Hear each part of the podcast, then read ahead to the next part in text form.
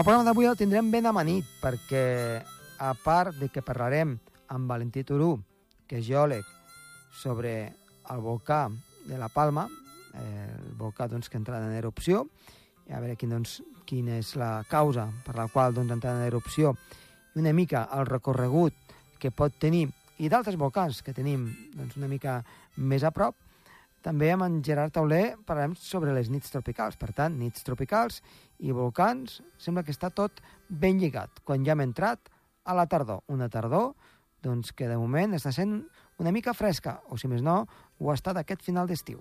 Comença el torn.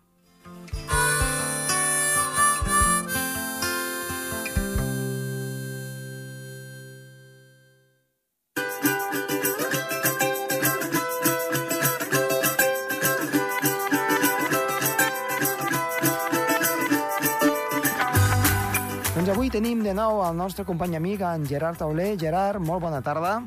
Hola, molt bona tarda, Josep Tomà.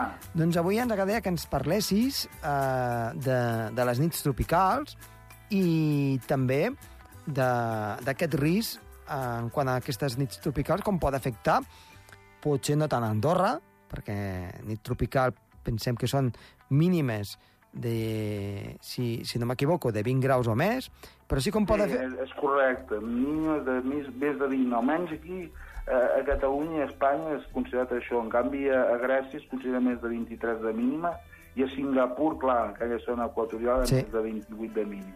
Mm -hmm. Doncs com, ha, com pot afectar això a, doncs, el, el clima La eh, mediterrani, a la costa mediterrània, en aquest doncs, context que Sí. estem de, En de canvi les climàtic. últimes dècades hi ha hagut un, un increment de les nits tropicals. Mm -hmm. En general a la costa mediterrània. Això és un risc que, com diu eh, en Javier Martín Vide, Sí? que és un climatòleg i professor de la Universitat de Barcelona molt reconegut a nivell mundial, i que ha publicat molts articles i molts de llibres. I a Barcelona, per exemple, eh, és un risc que ha augmentat molt perquè Mhm. afecta la, la salut de les persones més fins i tot que les temperatures màximes. Ja. Vaig anar al congrés de, de, de, de, de, de, del Meteocat Mhm. el dia 4 de setembre Sí? i parlaven això, que a la costa mediterrània, sobretot de la ciutat de Barcelona, més que les temperatures màximes, és un risc per a les persones les temperatures mínimes que són tan altes, que, que, que, molt sovint no, no, no, no només no baixen de 20, sinó sovint no baixen ni de 23 o 24 molts dies de l'estiu. Mm -hmm. Déu-n'hi-do. I que s'hauria d'incloure un avís a la població per, per, per temperatures mínimes i, i algunes persones també parlen de, de combinar la, la temperatura mínima i, i la humitat relativa, que la cosa Mhm. uh -huh. que sabem que, que la humitat relativa és molt alta i això augmenta clar, el disconfort per Clar. calor i pot augmentar la, la mort per calor. Jo vull, vull En demanar... canvi, a la- a l'interior són més les temperatures màximes que es disparen molt. Clar, clar.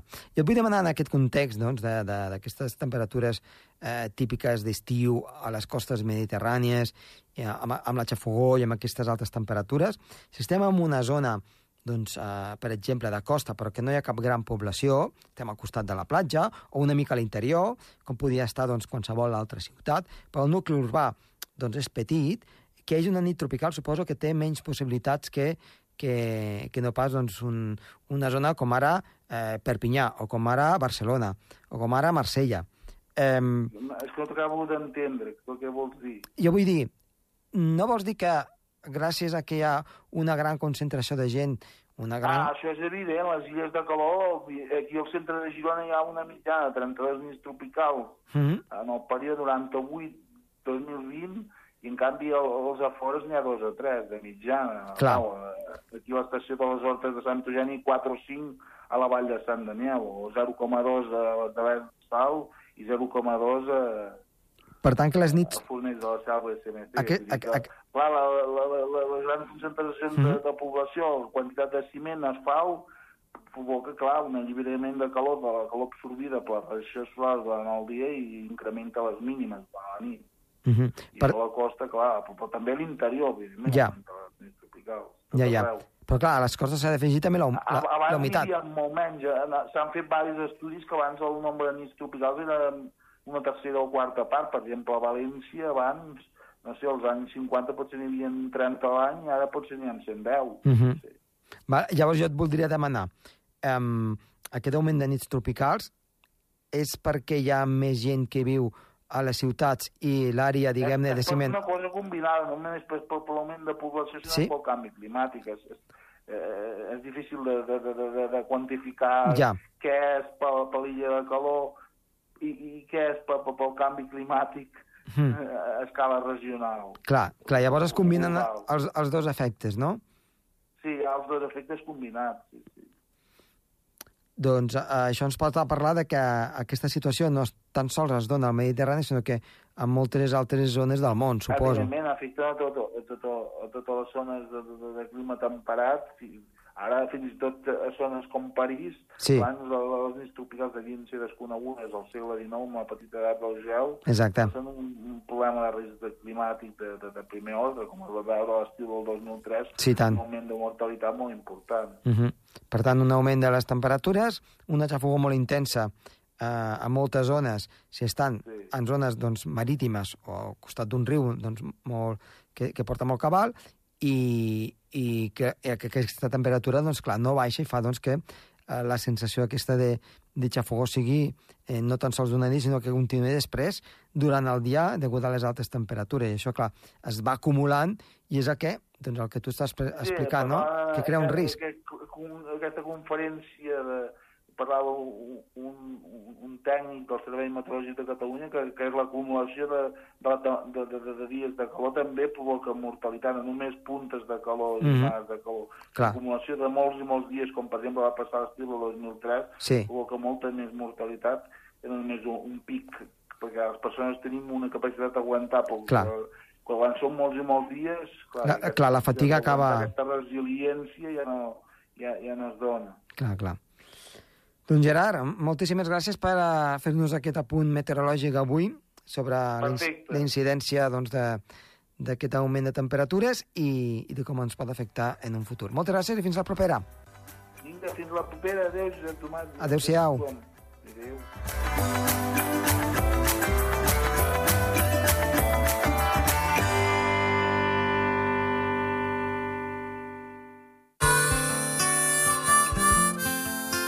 El Torb, amb Josep Tomàs.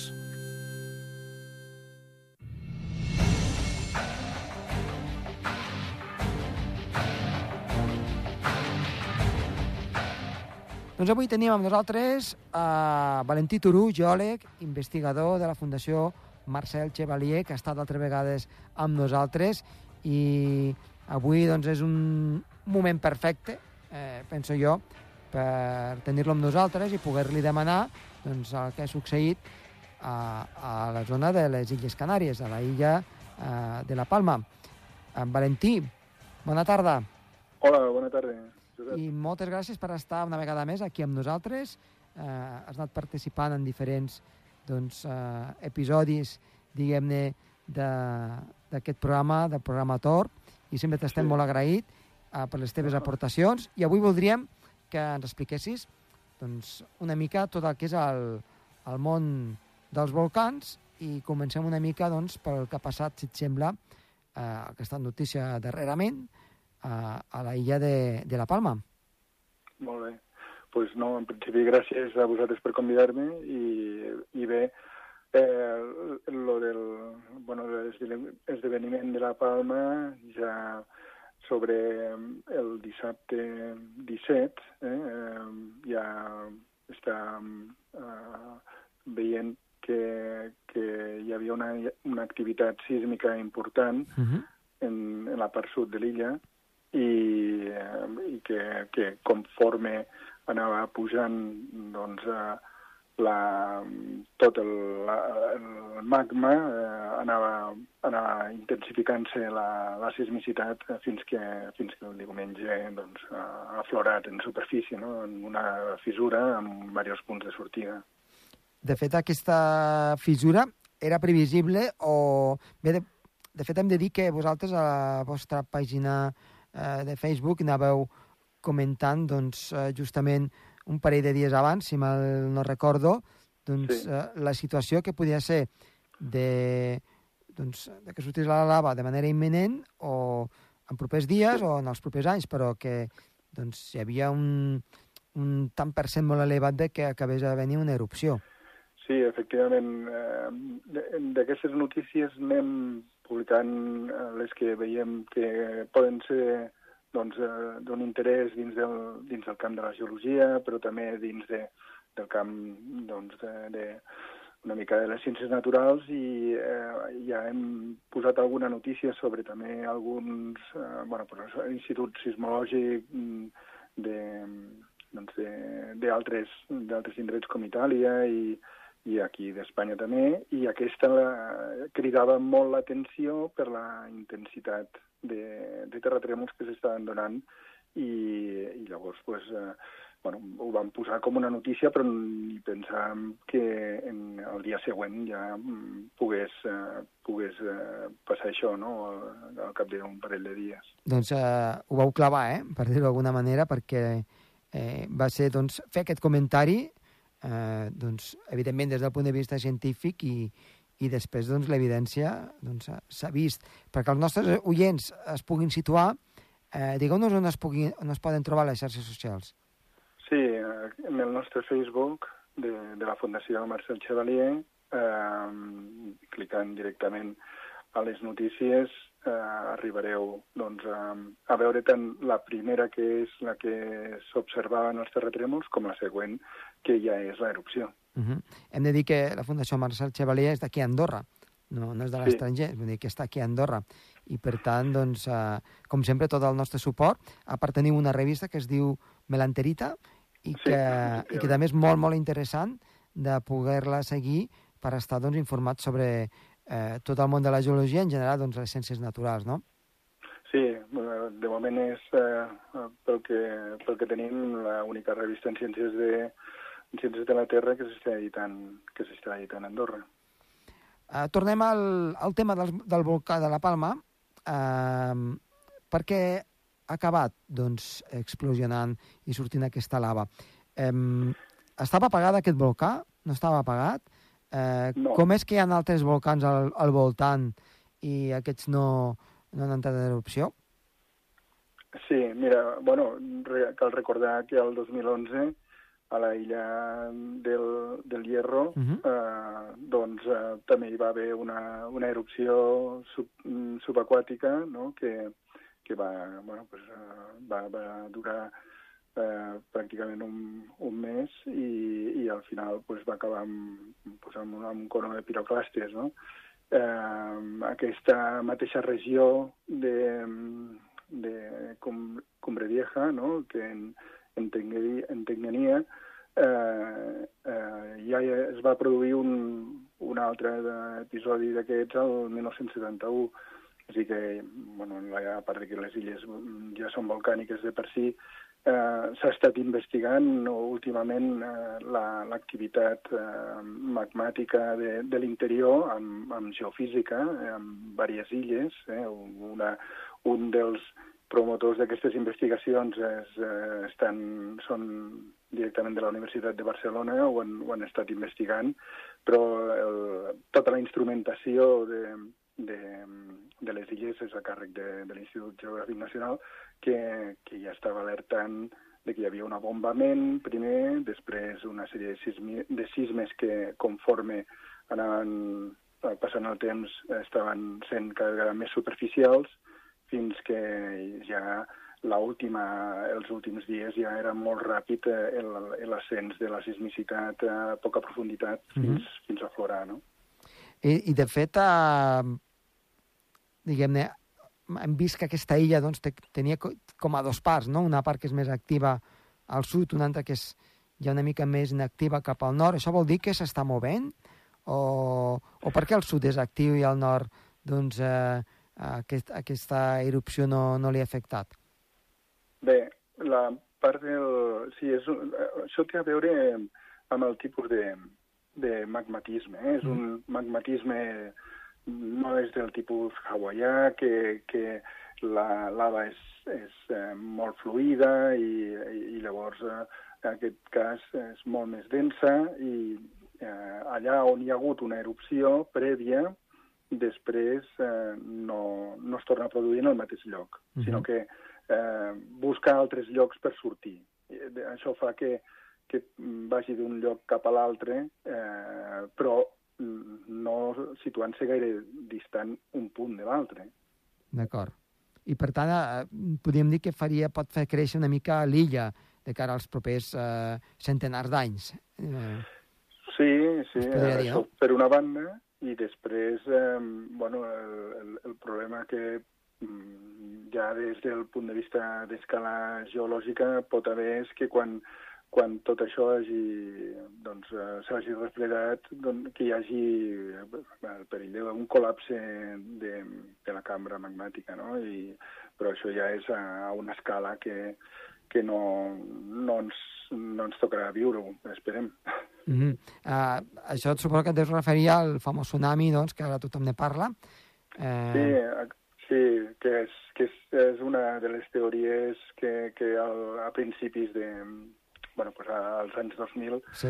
eh, van, va popularitzar una, un documental doncs, a la tele, no? que, que, que podria produir-se un tsunami uh -huh. i afectar tota la costa oest, eh, perdó, a la costa est eh, dels Estats Units i, i de Nord-Amèrica. No? Uh -huh. um, clar, el col·lapse de la cambra magmàtica és perquè s'ha buidat. Representa que queda un, com un forat, no? Perquè els nostres oients sí. ho entenguin i, i tota l'estructura de l'illa està doncs, damunt d'una cova, per dir-ho d'alguna manera.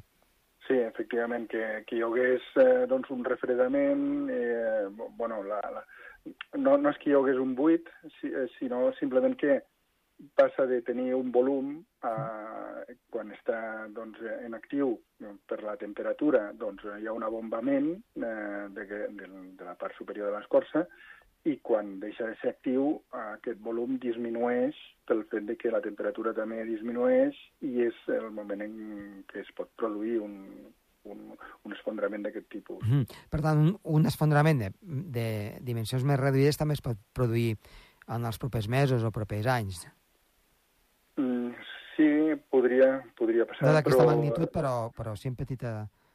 Eh, sí, eh, però ja seria molt més superficial. Eh? Ja no, no tindria a veure amb algo eh, amb una estructura profunda, sinó un, un esllavissament d'algun vessant o algun tipus de alguna cosa d'aquest tipus podria passar mm -hmm. per I, la sismicitat. I aquest, aquest, uh, aquesta lava que surt de l'interior de l'escorça, en aquest cas eh, uh, no és escorça continental, que, sinó que seria doncs, uh, oceànica, um, um, per què està produïda en aquest punt i, i no en un altre?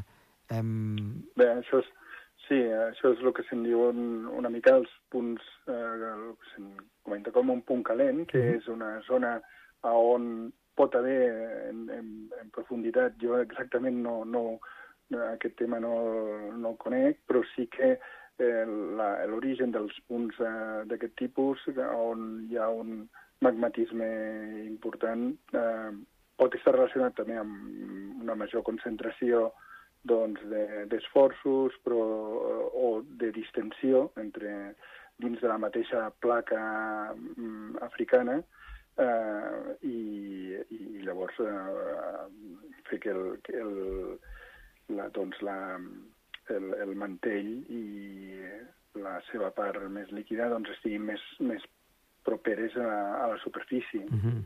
uh, seria una mica el mateix que, pot, que passa a Hawaii o, o no té res a veure?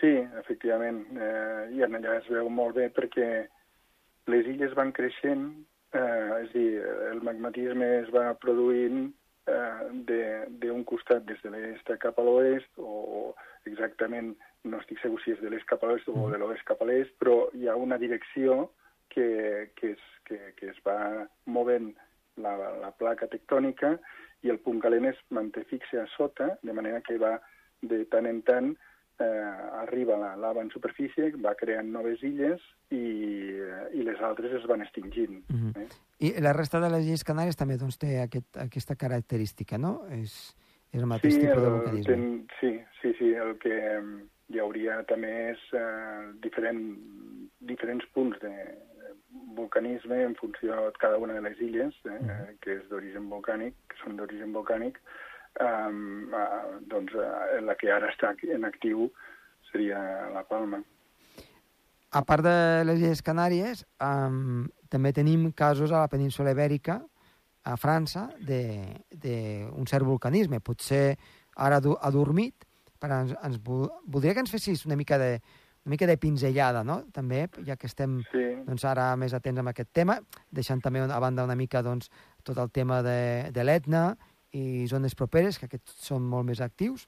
Si anem doncs, més a prop del Pirineu, per dir d'alguna manera, ens trobem eh, doncs, alguna que altra cosa també doncs, que és força interessant de comentar. Sí, bueno, tots coneixem la zona de la Garrotxa, no? uh mhm. -huh. que seria, hauria estat eh, una zona volcànica, però també el massís central francès i eh, també el, la part central doncs, a Castella a Castella-La Manxa, al camp de Calatrava, eh, que també és una zona volcànica. Mm? Si els dos primers, bueno, sobretot el primer, que és eh, eh, la zona de la Garrotxa, té a veure amb, amb bueno, pues l'obertura del, del mar Mediterrani, uh -huh. eh, el camp de Calatrava, per exemple, ja té a veure amb vulcanisme intraplaca, no? que estaria dintre de la placa ibèrica, i, eh, i de tipus mm, freàtic, on, on, on hi hauria un vulcanisme més explosiu per, pel fet de que hi hauria també doncs, eh, zones deprimides amb, amb, amb aigua, amb, amb, amb aquífers, i que produirien, doncs, no produirien volcans molt alts, sinó que el que produirien són cràters eh, per, per la seva explosivitat, no? mm -hmm. per, per l'explosió. I de quina edat estem parlant d'aquests cràters de, de Calatrava? Aquests, eh, bueno, el camp de Calatrava comença el 70, fa 70.000 anys, és continu, fins a l'última erupció, que és als 6.000 anys, i que hem pogut, eh, hem pogut resseguir, eh, eh, això és una, una de les investigacions que hem fet des de la Fundació, i l'hem pogut resseguir eh, cap al centre de la península i el nord de la península. Uh -huh. De manera que la, les seves cendres haurien afectat eh, tot el centre de la península fins a arribar pràcticament al mar Cantàbric i eh, hi hauria també una component eh, nord-est en el qual doncs, hauria afectat el Pirineu central i probablement també Andorra. La, la diferència és que el Pirineu central està estudiat i el Pirineu oriental doncs, ens falten eh, llocs on investigar i sovint per, bueno, pues, eh, per, per una diferència en, en els recursos dels projectes no? Mm -hmm. que, que se'ns assigna. Eh, estem parlant doncs, d'una darrera opció de fa 6.000 anys, per tant no fa tant. No, no, efectivament. Eh, aquesta és l'última vegada que es coneix que, que està actiu, mentre que el Croscat, que és el d'Olot, eh, és 10.000 anys. Uh mhm. -huh. Aquesta també va ser, va ser datada gràcies a les cendres volcàniques eh, per, per un altre equip, eh, aquest, eh, doncs, eh, que és de Girona, i, eh, i ho van poder fer-ho a través de, dels sediments que van eh, estudiar on sortia un nivell de cendres que el van poder datar. Mm -hmm. I estan extints a, a aquests, a aquests volcans de Calatrava? Sí, sí, són una o dormits? De... No, no, no, estan, eh, ara de moment estan extingits. Eh, no, no es coneix eh, que hi hagi una, bueno, pues una sismicitat associada. Mm -hmm. La sismicitat associada a la península ibèrica està molt localitzada al sud, eh, amb el, en el xoc entre la placa ibèrica i l'africana, la, eh, però al centre de la península no, mm. ara en aquests moments. I a la, no? i a, i a la zona d'Olot? I la zona d'Olot tampoc, tampoc, ni el, ni el massís central francès tampoc. Per tant, a... Tota aquesta zona eh, sí, ha deixat de ser activa ja fa molts milers d'anys, i ara, si mai n'hi hagués una altra, eh, tal com s'està manifestant, eh, està passant per el, pel sud d'Itàlia i, i, i, bueno, i si de cas eh, podria anar-se'n cap a l'oest, però, però a una latitud inferior. Uh -huh. Per tant, aquí ja, diguem-ne que eh, doncs, eh, ja va passar el seu, el seu millor moment en aquest, en aquest sí. aspecte, no?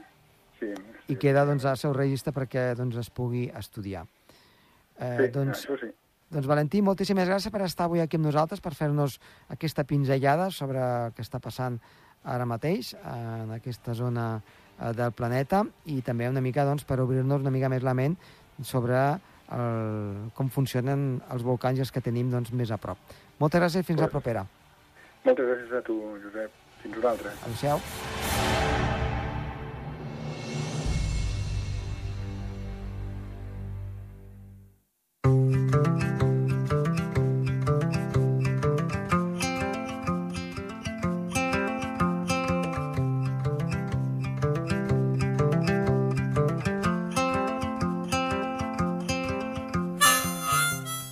Fins aquí el programa d'avui. Esperem que els hagi agradat. Està de les vies de so, Toni Escur, i que els ha parlat amb molt de gust, Josep Tomàs. Adéu-siau.